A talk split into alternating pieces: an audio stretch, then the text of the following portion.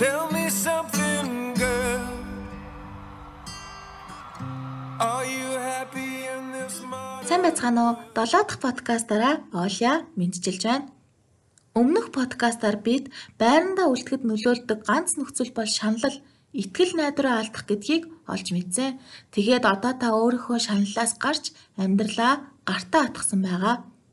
Мөн та бичих дасгалыг хийсэн бол одоо өөртөө маш ихтгэлтэй өнгөрсөн амьдралынхаа турш их олон зүйл хийж бүтээсэн байгаагаа олж харсан сайхан мэдрэмжтэй болсон байх ёстой. Зарим үед хүн хоорондоо зөрчилдсөн зорилго тодорхойлсон байдаг. Нэг зорилгоо, нэг мөрөөдлөө хөөх гэхээр нөгөөх нь хэрэгтэй юм шиг санагдаад байрандаа гацах нөхцөлийг бүрдүүлдэг. Энэ хоорондоо зөрчилдсөн зорилго гэж юуг яриад байна вэ гэвэл нэгэн зэрэг хийх боломжгүй, хамттан байлгах боломжгүй, хоёр эсвэл түүнээс олон хүсэл гэсэн үг. Жишээ нь та ер нь цаашид суралцъя гэж боддог мөртлөө албан тушаал ахий гэж хүсдэг гэж бодъё.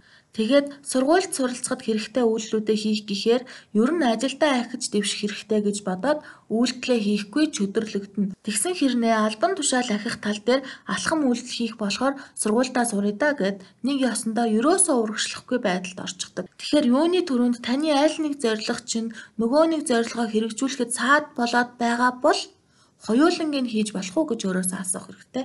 Иймэрхүү гацаан зөвхөн цаг хугацаа алдахад л хүргэнэ. Би энэ зөрчилсөн зорилгын тухай судалж байхдаа их өнгөц харж байсан л да. Надад ч ийм зөрчилсөн зорилго байсан их энгийн байсан. Гэвч зөрчилтөө энгийн биш байвал бүр зүрх сэтгэлийн асуудал байвал эсвэл нилээд том шийдвэр байвал энэ зөрчилтөө нь бараг л итгэл найдвараа алдхаас ч илүү хэцүү. Иймээс би уламжлал ёсоор яагаад гэдгээ сайлтаа эхэллээ. Яагаад зөрчилдсөн бэ? Гэвэл бид өөрийгөө ийм хүн гэж тодорхойлсон байдаг. Тэгээд миний тодорхойлсон энэ хүн бол би бол ийм үйлдэл хийх ёстой гэсэн хариуцлага руу нэг хүсэл нь чиглэсэн байдаг. Харин нөгөө эсрэгцүүлж байгаа зөрчилдөөн нь би ингимээр байна гэсэн хүсэл рүү чиглэсэн байдаг. Өөрөөр хэлбэл энэ үед ID супер эго хоёр маань хуйлаа хүчтэй ажиллаж байна. Харин голд нь байгаа эго бол ID-гийн хүслийг супер эгод тааруулж авах гэж амьдрал дээр шийдвэр гаргадаг гэдгийг бид өмнөх подкастаараа мэдчихсэн байгаа. Тэгээд энэ зөрчилдөөн гэдэг нь ID-гийн хүсэж байгаа зүйлийг супер эго хизээж хүлээн зөвшөөрөхгүй гэсэн зүйл байгаа учраас л зөрчилдөөд эго буюу би яхаа мэдэхгүй байна гэсэн үг юм. Энэ үед өөрөөсөө яг юу хүсэж байгаагаа асуух хэрэгтэй, шийдвэр гаргах хэрэгтэй, бүр нэн даруй шийдэх хэрэгтэй. Зөрчилдөөнийг шийдвэрлэхгүй нүүр тулахгүй яваад л байвал цаг хугацаа өнгөрсөөр л энэ зөрчилдөөн чинь таныг дотроос чинь идэх болно. Цаашлаад энэ нь бие физиологийн хувьд нөлөөлнө, эрүүл мэндэд эрсдэлт оруулна, хавдар тусна гэсэн үг. Хэрв би байсан бол хүсч байгаагаараа амьдрах шийдвэрийг гаргана. Хүсч байгаа зүйл маань намайг хариуцлагагүй муу хүн болгох бол яах вэ гэж үү? Хүсээгүй амьдралаараа үлгэн салган амьдрахдаа та хариуцлагатай сайн хүн байх ямар ч боломжгүй. Тэгээд үргэлж энэ зүйлээ хүссээр байх болно. Хүн зөвхөн маш их хүсч байгаа зүрх сэтгэл нь хүчтэй догдолж байгаа зүйлээ хийж байхдаа л ямар ч саад бэрхшээлээс айхгүй болж өөрийгөө бүрэн зориулж цуцашгүйгээр урагшилж чаддаг.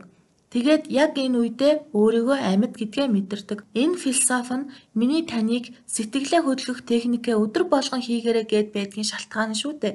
Та төсөөллөө ашиглаж сэтгэлээ хөдлөх боломжтой. Харин сэтгэл чинь хөдөлсөн бол та тэр хүсэж байгаа зүйл рүүгээ цуцашгүйгээр тэмцэх чадвартай хүчтэй нэгэн болж хувирдаг.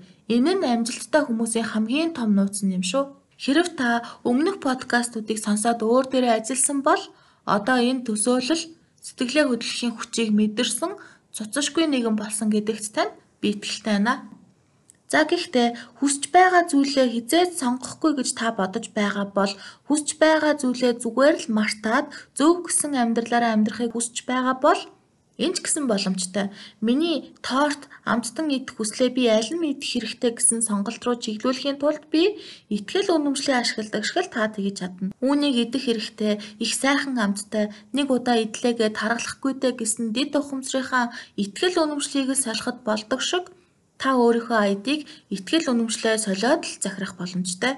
Энэ үед ID-га дараагүй учраас ID чинь таны дотор байж ядахгүй.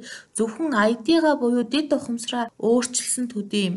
Энэ дид ухамсар нь маш хүчтэй. Тэгээд та дид ухамсарынхаа ихтгэл үнэмшлийг дөрөв дэх подкастт заасан заавраар сольж чадвал таны ухамсартай ухамсаргүй тархинууд чинь хоорондоо маш эвтэй ажиллах болно. Тэгэхээр яг одоо та хамгийн түрүүнд шийдвэрээ гарга. Ямар ч шийдвэр гаргасан та чадна. Харин шийдэхгүй байж л болохгүй гэсэн үг. Шийдвэр гаргахад хэцүү байдаг шалтгаан нь алийг нь ч хөөсөн хүн дүүрэн байх боломжгүй мэт байдаг. Гэхдээ шийдэхгүй цаг хугацаа алдах нь үнээс ч хэцүү гэдгийг анхаар. Тийм болохоор шийдвэрээ гаргахдаа 5 жилийн дараа 20 жилийн дараа үхэхдээ та ямар амьдралаар амьдарсан баймаар байгааг бодолцоорой. Шийдвэрээ гаргаад дараах техникээр ажиллаарай. Сонгосон шийдвэрээрээ амьдрахад ямар ямар муу зүйл болж болох вэ гэж өөрөөсөө асуу. Тэгээд тэр хамгийн муу байдалд өөрийгөө бэлд Дараа нь энэ хамгийн муу нөхцөл байдлыг яаж зарч болох вэ гэж өөрөөсөө асуу. Энэ подкаст дээр ярих ёстой бас нэг сэдв бол хийсэн зүйл төлөвснөөр болохгүй шантрах мэдрэмж мэдрүүл яах вэ? Тэгэхээр хүн яагаад шантардаг вэ?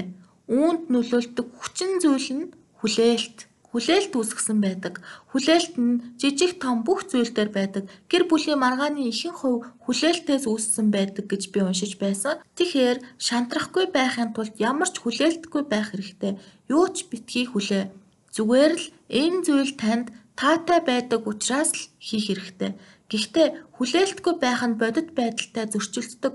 Жишээ нь би ямар ч хүлээлтгүйгээр юу ч хүсэхгүйгээр үүрээр босоод гүйх дасгал хийдэг байхын тулд миний нилээд хідэн хоромсоо мэдрэл муутай байх хэрэгтэй болдог. Сэтгцэн эрүүл хүн бол юу ч хүсч хүлээгээгүй юм чинь дулаан хүнжилтэд хөвтөж байхыг л сонгоно. Тиймээс бидэнд ашиглаж болох нэг хүч хэрэгтэй. Тэр нь зуршил.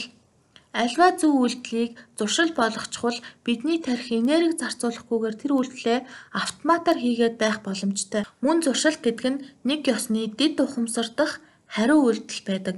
Ингээд би зуршлын тухай дараагийн подкаст дээр холно. Баярлалаа.